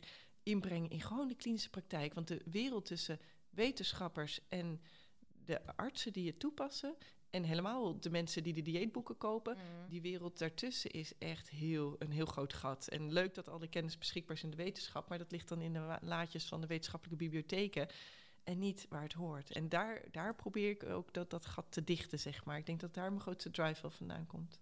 Ja, mooi. Want ik, ik vind jou een beetje de queen of overweight. En dat bedoel ik echt iets heel, uh, iets heel positiefs. Moet ik een kroon opzetten, Floor? Ja, ja. Ik vind het echt... Uh, je kunt het altijd heel erg goed, goed uh, verwoorden en uitleggen. ja, ben ik het dus mee dank eens. daarvoor. Ja. ja. nou, dank voor jullie mooie woorden. Ja, ja. en, en wat ik nog heel, ook wel benieuwd naar ben. Want de afgelopen twee jaar hebben we natuurlijk enorm de pandemie gehad. Waardoor mensen nou ja, uh, niet meer naar de sportschool gingen. Hè, dat dus het, het, het overgewichtproblematiek is eigenlijk alleen maar groter geworden. Maar ik ben toch benieuwd naar wat wel voor jou een succes is geweest de afgelopen twee jaar. Dus waar ben je echt trots op, wat je bereikt hebt? Ja, mooie vraag. Ja, je ziet de, de, het overgewicht is natuurlijk echt een heel actueel probleem inderdaad. We zagen wel bij de coronapandemie dat mensen die al ongezond leefden vaak en al overgewicht hadden, ongezonder gingen leven. En de mensen die slank waren of een beetje overgewicht, maar ja, eh, dat die juist gezonder gingen leven. Die gingen lunchwandelen en weet ik veel. Dat, dus oh, er was een discrepantie in. Ja, dus niet iedereen heeft meer overgewicht, maar een deel van de mensen die juist al uh, dat hadden, die, die namen toe. Ja, wat ik denk zelf is, is um, dat ondanks dat die coronapandemie is, dat toch de gecombineerde leefstijlinterventie in het eerste jaar ging dat natuurlijk helemaal plat. En in het tweede jaar heeft dat enorme vlucht gekregen. En dit jaar neemt die vlucht toe, omdat die gekoppeld is aan de vervolgbehandeling, hè, de medicijnen. Dus dat, dat neemt toe. Dus dat, dat, dat, daar ben ik heel blij in. Dat er gewoon eigenlijk dat wat in de richtlijn staat, dat dat steeds meer wordt uitgevoerd. En een, een ander ding wat ik denk ik ja, toch ook wel trots op ben, is dat omdat we met een hele groep dat hebben gedaan, is dat we tijdens de eerste golf kwam een, hadden we een artikel gepubliceerd over dat je immuunsysteem verbetert als je al maar 5% uh, eh, gaat afvallen, ook al heb je ernstige obesitas. En dat dat al heel snel gaat. En dat dacht ja, dat moet iedereen weten. Want mm. dat was uh, tijdens de eerste golf. Ik dacht, ja, het gaat alleen maar over handen wassen, afstand houden, wat allemaal ook echt moest doen. Um, toen hebben we een brief gestuurd aan Hugo de Jonge, die toen minister was. En toen, dat hebben toen uiteindelijk hebben heel veel zorgprofessionals en ruim 300 organisaties hebben die brief getekend. Die gewoon op een maandagavond eigenlijk gewoon getypt had. Meer uit van ja, we moeten de wetenschap toch even wel in een brief aan de minister sturen. En dat is toen heel groot in de pers gekomen. Maar het, uiteindelijk heeft het toch als resultaat geleid dat er echt landelijke leescampagne is gekomen. Fit op jouw manier. Die is niet heel breed verspreid geweest. Niet in alle kanalen, maar wel in de kanalen voor mensen die uh, ja, er zijn een aantal kanalen die mensen kijken die, uh, die, die, die, veel last hebben van overgewicht. En daar, uh, bijvoorbeeld in de Telegraaf, SBS6, daar, daar is daar heel erg aandacht aan besteed. En de website heet fitopjouwmanier.nl. En het leuke daarvan is, er staan hele laagdrempelige tips op van hoe kan je nou, als je bijvoorbeeld een paar pondjes te veel hebt, en dan heb je het natuurlijk niet over ernstige obesitas, maar ja, het zijn tips die eigenlijk voor iedereen goed zijn. Hoe kan je nou meer beweging in je leven inbouwen? Van parkeer je auto wat verder weg en loop het laatste stukje. Mm. Ga tanden poetsen op één been. Um, hele simpele oefeningen, vervangers, uh, de krusli door de muesli. Een heleboel laagdrempelige tips die je morgen direct kan implementeren. Op een ludieke manier gebracht. Dus fitopjouwmanier.nl. Ja, mooi. Dat zijn toch... Uh, Sorry Floor, jij bent? Nou, prachtig. En dank je wel, want ik heb hem meteen opgeschreven. Ja, ik zet hem ook in de show notes voor de luisteraars. En uh, dan gaan wij hier uh, verder met de aflevering, Floor. Ja, dankjewel. Uh, ja, jij bent ook coach en Carlijn is ook weer op haar manier coach. Ik zal ook een verwijzing naar jullie zetten in de, in de show notes. En ik, ik ga je onwijs bedanken voor je vraag. Ja, en succes nog met het gesprek. Ja, bedankt uh, Floor voor je ja. bijdrage. Dankjewel. Okay, bye bye. Hoi hoi. Ja, uh, in de show notes uh, kunnen jullie alle linkjes vinden. Um, Liesbeth, ik heb um, ook een vraag die mij echt puzzelt. Is, van, ik hoor jou zeggen, leefstijl is nummer één om mee te starten. Maar er zijn ook medi medicijnen die kunnen helpen. Um, waar ik soms een beetje op twee gedachten nog hink, is dat ik ook wel vind dat we in een soort quick fix maatschappij leven. Van uh, if you're ill, take a pill. We willen graag de lusten en, en niet de lasten. Um, wanneer, uh, wanneer weet je nou of iets echt niet lukt? Uh, en wanneer denk je dat is de makkelijke weg? Hoe kunnen we dat voorkomen? Wat is jouw visie daarop? Ja, hele goede vraag. Ik denk sowieso, als je obesitas hebt, is er geen quick fix. Dat, dat, dat is nou eenmaal zo. En ja, leestal is nummer één als de leestal al niet al optimaal is. Want dat wil ik wel echt benadrukken. Ik zie ook wel eens mensen, en ja, geloof me, dat bestaat mensen die echt al gezond eten en voldoende bewegen, maar desondanks obesitas hebben. Mm. En dan heb je gewoon aanvullende behandelingen nodig. En waarom dat vaak als quick fix wordt gezien, is denk ik ook onderdeel een beetje van de gewichtsdiscriminatie. Want het grappige is, dit zou je niet zeggen nu als iemand kanker of diabetes of astma. Dan zou je het eigenlijk heel normaal vinden dat we met medicijnen starten. Terwijl ook daar voor een heel deel van de mensen leefstijl ontzettend veel kan doen. We weten ook bij diabetes dat leefstijl, er zijn een keer diabetes om programma's bijvoorbeeld die effectief zijn. We weten zelfs dat bij allerlei andere ziekten, denk aan bijvoorbeeld reuma. Als de reuma bijvoorbeeld, we zien in de Erasmus MC soms mensen met heel ernstig reuma die bijna niet goed behandelbaar zijn. Dan krijgt die ontsteking niet onder controle. Hele dure geneesmiddelen nodig mhm, soms, mhm. die, waar die ze per infuus moeten krijgen. En we weten dat als je met bijvoorbeeld meer gaat bewegen, dan maakt je lichaam zelf meer van dat stofje aan wat je als behandeling krijgt. En als je de obesitas echt goed behandelt, dat je soms met een heel simpel tabletje uit kan en helemaal niet meer in het ziekenhuis bij een reumatoloog hoeft te lopen, maar terug naar de huisarts kan. Ja, er zijn zoveel voorbeelden van andere ziekten waar ook leefstijl onderdeel moet en kan zijn van de behandeling. Mhm. En um, dat bij obesitas, maar waar het soms niet voldoende is, dan heb je soms een pilletje er wel bij nodig. Ja, ja, en op deze manier bij obesitas is het volgens mij het feit dat we het niet goed willen behandelen volgens de richtlijnen, is onderdeel ook bij artsen Ehm, van het sociale stigma. je mag het, want obesitas is gedefinieerd als ziekte, uh, ook in, in de WHO, door de WHO, maar ook door de Gezondheidsraad. Mhm. En dat mhm. zien als ziekte helpt je om een reële behandeling te geven. Wat wil niet zeggen dat je dus zelf niks kan doen. Want bij een heleboel andere ziekten is dat ook zo. Je kan natuurlijk steeds nog zelf blijven zorgen en eigen verantwoordelijkheid nemen. Het is, betekent niet dat je zelf dus niks kan. En dat je bijvoorbeeld in de slachtofferrol hoeft te gaan zitten. Ja, ja. Want uh, daarmee gaan identificeren is een risico dat je niet in beweging gaat komen. Maar het is en en. Ja, ik denk zelfs bij die mensen die we diagnosticeren met echt de, de, de, de top van de ziekte, zeggen namelijk zo'n monogenetische obesitas, hè, die dus echt een kapot verzadigingsgevoel hebben. Zelfs die, als ze daar vertellen van, goh, nou, dit, dit, deze ziekte, want dan heeft de ziekte nog een naam ook anders dan obesitas, maar nog een ingewikkelde naam eronder bijvoorbeeld dan is het niet zo van, oh, je hebt een vrijbrief om dan maar drie pizza's per dag te eten. Nee, mhm. die weten juist dat ze nog meer moeten doen dan een ander om toch gezond te zijn. Dus het is het, om, het omgekeerde effect. Bespreken we juist met ze van, joh, jij, jij hebt het dus moeilijk. Je moet dus nog meer doen dan een ander. En ze daar uitleg over geven. Maar wat het verschil is van die diagnose dan stellen, is dat ze begrip en steun krijgen uit hun omgeving. En alleen daar al, als bijvoorbeeld bijvoorbeeld kinderen op school, als de leerkrachten het weten en de kinderen eromheen, dat ze niet voor hun neus snoep gaan zitten eten voor, de, voor de neus van de kinderen. Want die kinderen willen heel graag ook die snoep. En, en dat ze daar gewoon rekening mee houden en steunen in plaats van uitlachen en veroordelen. Mhm. Alleen al dat geeft ook minder stress. Nou, van stress wisten we, dat kan ook bijdragen tot gewichtstoename. Kan ook op de edels werken. Dus aan alle fronten, door juist, juist het serieus te nemen, uitleg te geven dat ze het moeilijker hebben, dat kan helpen om juist meer ook in een actiestand te komen. en, niet slachtoffer alleen maar te zijn. Nee, en dit vraagt ook om toch wel met elkaar uh, nieuwe vaardigheden uh, te ontdekken die nodig zijn om het juiste gesprek hierin te kunnen voeren. Ja. Uh, de kennis, meer kennis te krijgen van dit thema. En Ja, toen jij net zei, het is een onderdeel misschien wel van de gewichtsdiscriminatie. want bij kanker stel je die vraag niet, if you're ill, take a pill. Die zette mij wel even aan denken. Toen je dat net zei, dacht ik, ja, daar raak je wel iets dat ik hem daar niet pak. Terwijl dat ook heel veel onderdeel van een, uh, een gevolg van ook lifestyle kan zijn of verkeerd eten. Je ziet het ook aan hoe we de term gebruiken. Hè? Heel veel zeggen mensen zijn uh, uh, obese, wordt, hoor je vaak. Iemand is mm. obese als bijvoeglijk naamwoord. Ja, we zeggen ook niet iemand is kankerig. Het is, we, officieel zeggen we ook internationaal met elkaar afgesproken. Dus iemand met obesitas en niet een obese persoon. Je bent niet je ziekte, je hebt de ziekte. En dat geldt voor een kankerig persoon. Nee, iemand met een persoon met kanker.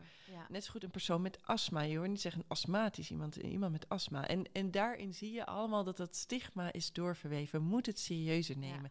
En dat neemt dus niet weg dat je ook een stukje individuele verantwoordelijkheid hebt. maar dat is niet alles. En de maatschappij die natuurlijk een grote rol speelt. Ja, ja dat, is, dat is volgens mij het complete plaatje wat ik jou hoor, hoor zeggen. Ehm, ja, die is verhelderend, dankjewel. Mooi antwoord ook. Ehm, hoe kijk je naar, um, en hebben we net ook met Carlijn ook over gehad, dat holistischer durven kijken? Want uh, bij ons in de academie ontlaat hebben het vooral ook over uh, gevoel, mindset, uh, zingeving, je werk. Hoe sta je in relatie tot je omgeving, lichaam, slaap, structuur, ritme?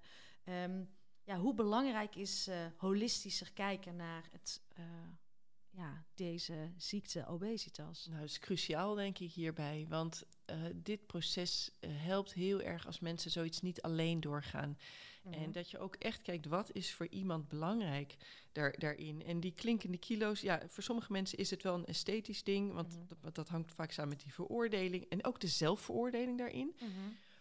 Maar los van die kilo's is het ook gewoon hoe voel je je en, en wat ben je waard in het leven? Wat kan je bijdragen aan de maatschappij? Net zo goed dat dat voor iedereen belangrijk is. Zingeving. Um, en, en dat is denk ik voor iedereen belangrijk. Dat je iets op wat voor manier, welke capaciteit je ook hebt. Iedereen kan wel iets goed of bijdragen aan de maatschappij op zijn of haar manier. En dat geldt net zo goed natuurlijk voor mensen met obesitas. En doordat dat soms niet meer kan, kan het heel veel frustratie opgeven. Maar ook een gevoel van minderwaardigheid. Mm. Dus daarnaar op zoek gaan. Wat is voor jou belangrijk? Wat wil jij? Wat geeft jou plezier in het leven? En wat maakt voor jou het, het, het, leven de moeite waard? En daarnaar op zoek gaan. En daar, dat is best wel lastig soms om dat helemaal in de spreekkamer naar boven te krijgen. Je kan het wel. Soms komt het vanzelf boven hoor. Of dat je dat in met elkaar in gesprek gaat. Relatief is de tijd daar natuurlijk wel kort. Zeker op een, met een volle wachtkamer. En weet je, dan heb je vaak ook het medische natuurlijk wat nog besproken moet worden. Want ja, die bloeddruk is dan ook hoog. En, maar, maar tegelijkertijd denk ik dat zo'n coachingstraject daar ook heel erg goed mhm, geschikt voor is. Mhm. En wat je ook ziet vaak is dat daar een bonding met een groep het sociale uh, ding, dat dat ook heel erg helpt. Je steunt elkaar, je gaat met elkaar zo'n proces door. En de schaamte die heel veel mensen voelt. We kunnen wel zeggen, jij moet meer gaan sporten. Maar bijvoorbeeld naar een sportschool gaan met obesitas is ook een dingetje. Hè? Dat, dat, en dan had ik het vanochtend met mijn personal trainer over. Um, en dan, had ik, dan heb jij het over mensen met obesitas. Maar ik, zei ik, de eerste keer dat ik de sportschool binnenkom, dan had ik het over dat ik het eng vond. En dan heb ik geen overgewicht, gewoon omdat ik het eng vond om daar mezelf toch een vorm van bloot te geven. Dacht dat ik niet zo'n goede sporter was. Heeft mij lang weerhouden. Iedereen kijkt je aan. Iedereen loopt hiermee die in sportschool. Nou, veel mensen hebben dit. Maar we we struggelden er allemaal mee. Het is fijn dat dit bespreekbaar wordt gemaakt ook. Ja, en ik denk ook wel, je hoeft ook allemaal niet per se naar een sportschool. Want ik snap ook enorm die drempelvrees. Maar ik denk dat bijvoorbeeld groepen waar je met elkaar in beweging gaat. En er zijn inmiddels ook wel groepen. Dus ga er naar op zoek als je dat leuk vindt. Waar, waar met elkaar bewogen wordt. En daar is vaak veel lol met elkaar. Dus veel herkenning. En, en uh, zelfs gaan soms groepen met elkaar zwemmen in een veilige omgeving. Dat is natuurlijk extreem eng om je helemaal daar op die manier bloot te geven. Mhm. Maar wij zien dat ook in de therapie die we dan uh, voor een heel beperkt aantal mensen maar uh, konden geven voor mensen uit Rotterdam. Um, ja, dat, dat, dat zelfs zwemmen, dat ze dat met elkaar durfden. Ja, en en met, gewoon wandelen ook met elkaar, waarbij je sociaal contact hebt en een, een, proces met elkaar doorgaat. En dat, daar komt de zingeving natuurlijk ook aan bod.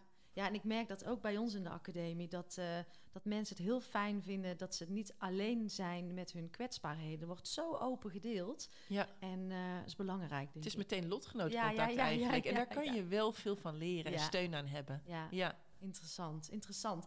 En dan zitten we natuurlijk in de podcast uh, Stilstaan met Ankie.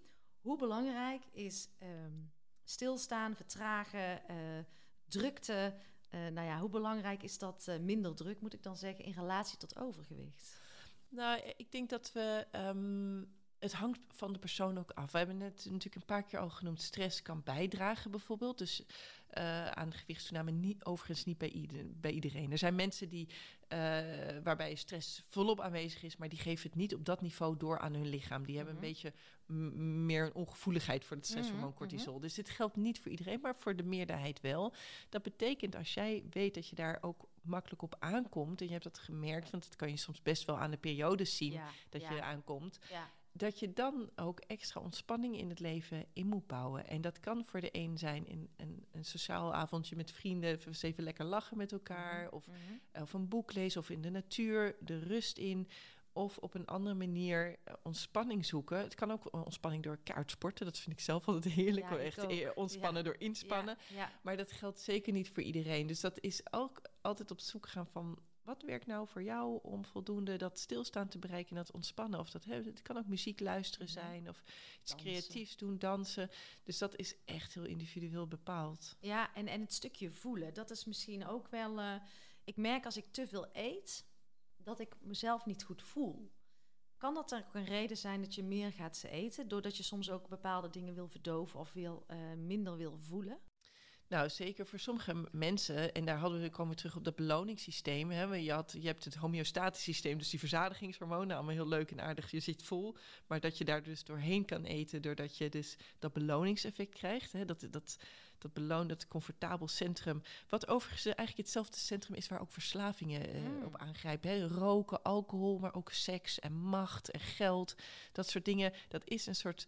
Uh, in de hypothalamus van je brein, dat, dat geeft daar gewoon een heel lekker gevoel. Ja. En uh, ja, dat kan ook een beetje verslavingsachtig, zeg maar, mhm, zijn. Mhm. Waar, waar, uh, um, en dat weer die, die emoties onderdrukken. Voor sommige mensen kan het een hele duidelijke uh, rol vervullen. Dat je inderdaad, als je heel emotioneel bent of iets, om dat op die manier weg te eten, om het niet te voelen. Ja. En, en je ziet dus ook wel dat hele ernstige dingen soms die in het verleden gebeurd zijn. Het is niet voor niks zo dat seksueel misbruik of psychotraumata in het verleden dat die soms het brein, maar ook het lichaam zo kunnen herprogrammeren dat je heel makkelijk in gewicht gaat aankomen. En dan is niet de kunst om alleen maar, nou, meer worteltjes eten, meer bewegen, maar um, of niet alleen worteltjes hoor, lekker gevarieerd natuurlijk. Ja, ja, maar eh, dat, je, uh, dat je ook dat wat in het verleden heeft gespeeld, wat jouw lichaam ook mede vormt, dat je dat ook aanpakt. En dan kan soms heel, hè, bijvoorbeeld iemand met ernstig psychotrauma, die soms met EMDR-behandelingen, echt bepaalde psychotherapeutische behandelingen, mhm. bepaalde blokkades kan wegkrijgen, waardoor, waardoor uiteindelijk het afvallen daarna makkelijker gaat. En, en dat is, ja, er zijn zelfs aanwijzingen dat zelfs via een heel biologisch mechanisme dat echt invloed heeft op het lichaam. Dus je denkt, ja, de psyche, hè, eh, ons hoofd en het lichaam zit echt niet voor niks aan elkaar vast. Dat is echt één groot geheel. Mind-body is natuurlijk heel bekend, maar dat is ook niet alleen van psychisch, je stuurt het aan en je hebt met je psyche gedacht op je lichaam, maar ook andersom. Het gaat echt heen en weer. Het is een wisselwerking. Ja. ja, ook daar mogen we wat nog meer bewuster van, uh, van worden, denk ik. Ik, um, ik vind, wij, vinden het allebei belangrijk dat het thema bespreekbaar uh, wordt. Maar hoe kunnen we elkaar nou echt helpen, denk jij, om die, die, die veilige voedingsbodem te creëren? Wat is nodig in het gesprek? Wat uh, komt er bij jou? Uh, enerzijds denk ik dat, dat wij iets kunnen doen, maar ook het mechanisme van, oh, je doet me pijn, meteen boos worden als er iets over wordt gezegd. We hebben het net al over gehad van... Um, nodig iemand uit of je erover wil praten, hoor ik jou zeggen. Maar wat zijn nog meer tips of, of dingen die opkomen om die, die, die voedingsbodem te zoeken voor een verbindend gesprek? Ik denk door aandacht te hebben voor al die andere dingen en uh, door begrip te hebben voor de complexiteit, daar begint het toch altijd mee. Ik zie heel vaak bijvoorbeeld ook artsen die dan, nou ja, als ze iets over willen weten, meteen beginnen uit hoeveel eet u eigenlijk. Ja, ja, dat is niet een goede basis voor een gesprek. Ten eerste lukt dat helemaal niet om goed dat betrouwbaar op te lepelen. Voor ons allemaal niet. Mhm, dus dan hoor je mhm. een aantal crackertjes per dag wat wordt gegeten. Wat, ja, maar wat voor, wat, dat is niet de informatie die nuttig is. Plus het, is, het geeft mensen een heel veroordelend gevoel. En als je elkaar wil helpen, ook als het bijvoorbeeld gaat om je buurvrouw of iets... is tast af van, joh, bij, met dat onderwerp, begin niet op de veroordelende manier, begin niet meteen over de leefstijl, maar goh, um, de, context ervan, uh, als iemand daar over wil hebben. Van, nou ja, wil je het erover hebben? Is het voor jou een issue? Mhm. Eh, en dan, daar kan je eigenlijk die, die dingen afgaan uh, van... Wat is er eigenlijk aan de hand? Wanneer begon het nou? In wat voor periode? Heb je zelf een idee hoe het kwam? Mm Speelde zo'n bepaalde medicatie een mhm. rol? Was er een stressvol gebeuren? Ben je toen net gaan, in, in, die scheiding? Joh? Is, is dat een aanleiding geweest? Of wat gebeurde er allemaal in, in iemands leven toen iemand ging aankomen? Of heeft iemand het van jongs af aan al? En daar een beetje eerst samen een soort zoektocht erover hebben. En ik denk die pijn zomaar wegnemen, dat is niet heel makkelijk, want die zit er. En die zal er echt nog, ja. zolang de maatschappij zo veroordelend is, gaat die pijn niet zomaar weg. Die zit Dus daar zullen we voorlopig echt mee te maken hebben. Ik denk pas als we echt een omslag krijgen, dat we anders erover gaan denken. En dan gaat het nog heel lang duren, vrees ik. Mm. Dat dan pas mensen ook minder zich gepijnigd voelen op het moment dat wordt gevraagd. Want nu zit er altijd meteen zo erg een oordeel aan vast dat je het niet los van elkaar kan zien heel vaak. Nee, en wat je dan ziet is dat het, uh, mensen worden boos, terwijl dat eigenlijk het, het doet zeer. En dan is het afweermechanisme boos worden. En dat is ook het veiligste. Het is goed, denk ik, om dan juist liefdevol door te vragen wat er achter die pijn zit. Ja, en misschien te verwijzen naar ook naar sites waar mensen informatie kunnen doen. Want mensen veroordelen zichzelf ook soms. dus als ze weten van bijvoorbeeld op overgewicht.tv, daar hebben we bijvoorbeeld informatie voor, voor een breed publiek neergezet van een heleboel dingen die we bijvoorbeeld ook in het boek hebben beschreven. Gewoon op een manier uitgelegd dat mensen ook hopelijk meer compassie voor zichzelf kunnen hebben. Want als ze dat snappen en je gaat naar alleen daarvan het gesprek aan van goh. Uh, joh, wat speelt er bij jou en, en hoe kunnen we je helpen? Op welke manier? Mm dan, dan kan dat veel fijner voelen. En dat, dat als mensen zelf al bij zichzelf denken: ja, maar ik eet ook te veel. Ja, dat is soms ook. Maar waarom eet je te veel? Omdat je misschien wel stress hebt. Dus, dus, mensen veroordelen zichzelf ook. Dus die aanval voelt ook soms ook omdat mensen denken: ja, maar ik doe het ook allemaal zelf. Voor een deel, bij sommige mensen is het ook zo, maar zelfs dan nog moet je ook wel de goede hulp. Want ook al komt het puur door ongezonde leefstijl, dan nog hebben mensen soms de hulp en de steun echt nodig. Ja, die is heel hard nodig. En inderdaad, dan bevestig je je eigen denken en dan zie je wel, ik ben toch niet goed genoeg en dan voel je die afwijzing. Ja, dat is niet de weg om eruit te komen. We gaan eens kijken naar een aantal thema's. Ja, we zijn lekker onderweg en uh, deze keer wordt het een lange, omdat het gewoon belangrijke informatie is. En uh, ik ben nu bij jou, dus ik ga ook mijn laatste vragen stellen. Um, toch even aandacht voor de voedselindustrie. Uh, welke rol heeft uh, deze en wat is hier nodig? Nou ja, de voedselindustrie die speelt natuurlijk heel erg in op ons comfortgevoel. Hoe we onze voedselkeuzes maken is dus heel vaak via ons hedonisch systeem, omdat we het lekker vinden. Ja, die, nou, ja. beloning. Ja. en als je dan kijkt nu in de supermarkt, dat, dat nou ja, 80% is buiten de schijf van 5 wat daar staat. Heel mhm. lastig om uh, gezonde voeding te kopen. Dus, um, en wat is er in de reclame? Dat is ook 80% of 9% is buiten de schijf van 5. Dus je wordt verleid continu om de ongezonde keuzes te maken. Mhm. Dus en dat gaat heel onbewust, want uh, ja, supermarkten zetten ook natuurlijk uh, allemaal marketeers in die allemaal psychologische studies hebben gedaan. Die zijn er steen goed in. Ik denk als we drastisch al die mensen zouden inzetten om juist de gezonde keuze te makkelijker te maken, dan zouden we hele andere voedselkeuzes maken. Is het toch geldgedreven allemaal? Ja, nou, het is ook wel, ja, je gaat natuurlijk van die middelen, ga je meer, je weet ook, je, je eet er meer van. En uh, je koopt het sneller en, en je wordt, die verleiding is natuurlijk een stuk makkelijker. Uh, je hedonisch systeem slaat niet zo makkelijk aan op een stuk broccoli bijvoorbeeld. Nee. Dat is, ja, of dus- George Clooney moet hem verkopen. ja, die moeten dan met een sticker opgeplakt worden. Nou ja, dat is wel waar je naartoe wil. Want ik kijk, er zijn weinig mensen verslaafd aan broccoli. Maar door het wel aantrekkelijk te maken en de marketing daarop te zetten, dat is wel iets wat ons zou helpen om niet continu die donut of die chocolade die op zo hmm. groot op een poster staat en, en die voor je neus, waardoor je dus al bijvoorbeeld hongerhormonen gaat aanmaken die zich richten, waardoor je lichaam klaar staat om iets zoets te eten. Dat gebeurt continu. Dus ik denk de voedselindustrie heeft een hele grote rol. Mhm. Tegelijkertijd um, hebben die gewoon een verdienmodel. Die kunnen natuurlijk niet ja, ze, ze, willen natuurlijk ook gewoon geld verdienen. Dus ik denk ook dat je daar een stap hoger moet, wil je daarop inzetten om dat beter te krijgen. Kijk, zij kunnen natuurlijk proberen hun producten gezonder te maken en productformuleringen. Maar ik denk dat we al lang de tijd rijp hebben dat we wettelijke uh, belastingmaatregelen onder andere nodig ja, hebben. Ja, en dan stappen we even door naar de overheid. Ja, um, ja uh, wat is daar nodig?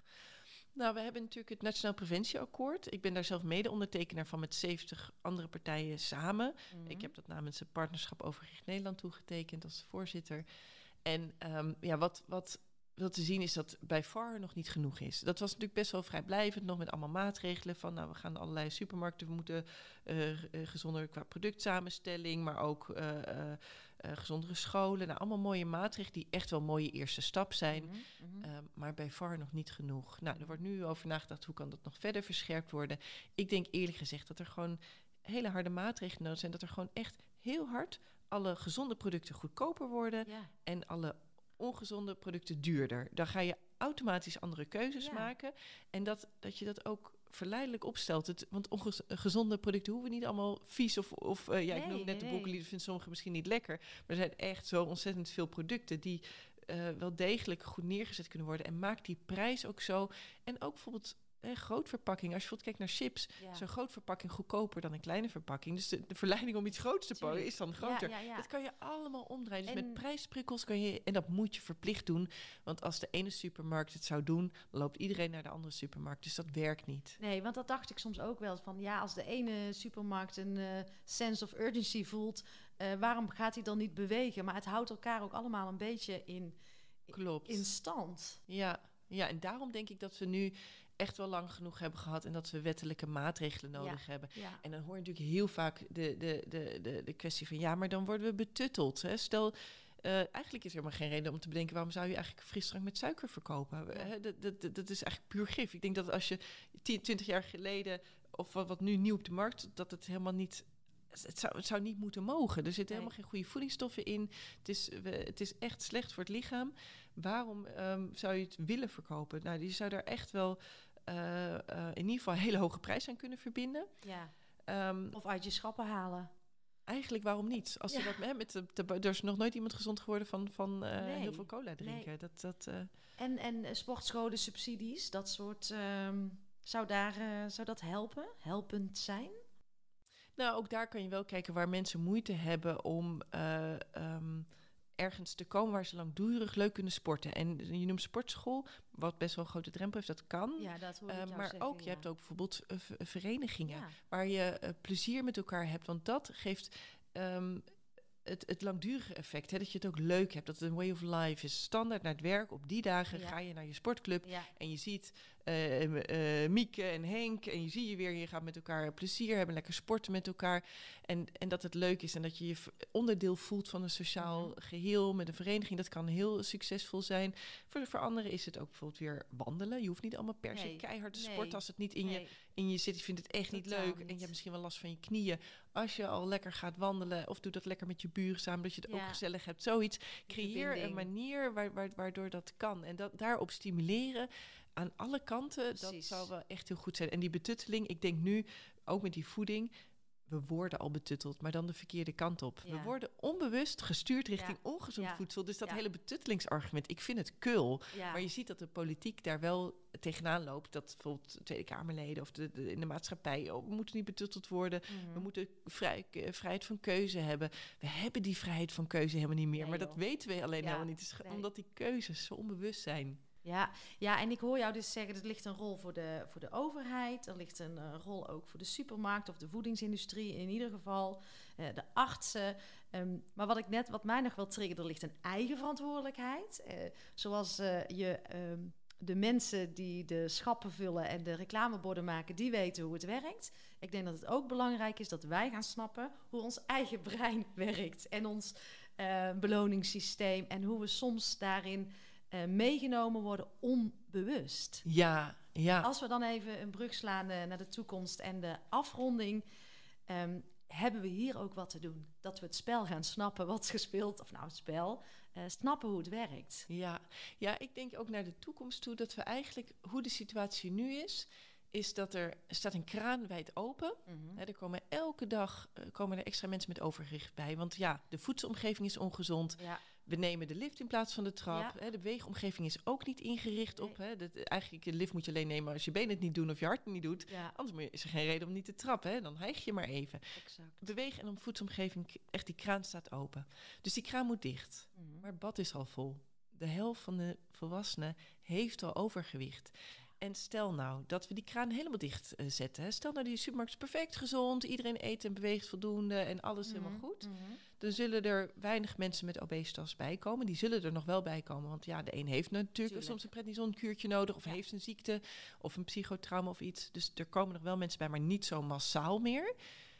Maar dan is het bad nog vol. En dat bad loopt niet vanzelf leeg. En dat heb ik met dat fabeltje geprobeerd uit te leggen. We moeten actief dat bad laten leeglopen. Die stop moet eruit. Ja. En dat is weer de kant die aan de zorg ligt. Dus de kraan dichtzetten, overheid, Mhm. wettelijke maatregelen, Mhm. suikertax, vettax, whatever, eh, reclame verbieden.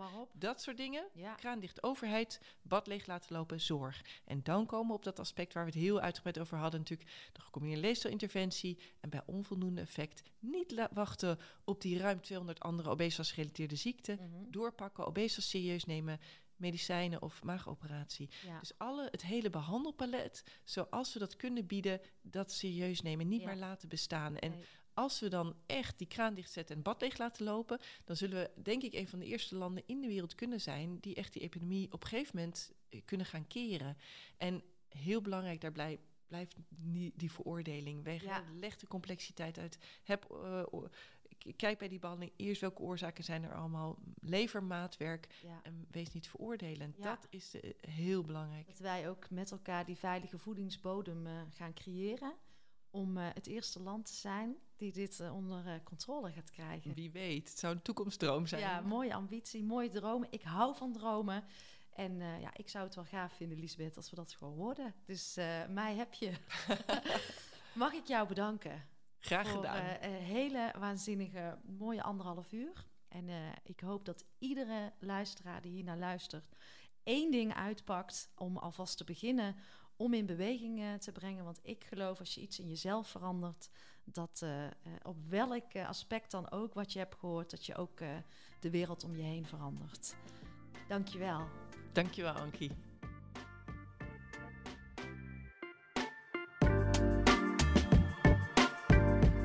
Lieve jij, dankjewel voor je tijd en dankjewel voor jouw aandacht.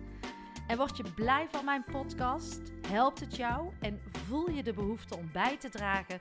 Dan is dat absoluut welkom. En ik geloof in die wederkerigheid vooral vanuit die gedeelde waarden. En je helpt mij door deze podcast te delen en eh, onder de aandacht te brengen in jouw eigen netwerk. Maar ook door het schrijven van een prachtige review. Eh, een financiële bijdrage wordt ook absoluut gewaardeerd. Heel fijn eh, zelfs. Of misschien wil jij of jouw organisatie instappen in de Ontlaatacademie? Wees welkom. In de show notes vind je meer hierover. Nou, fijn dat je er bent. Dank je wel. Tot de volgende podcast.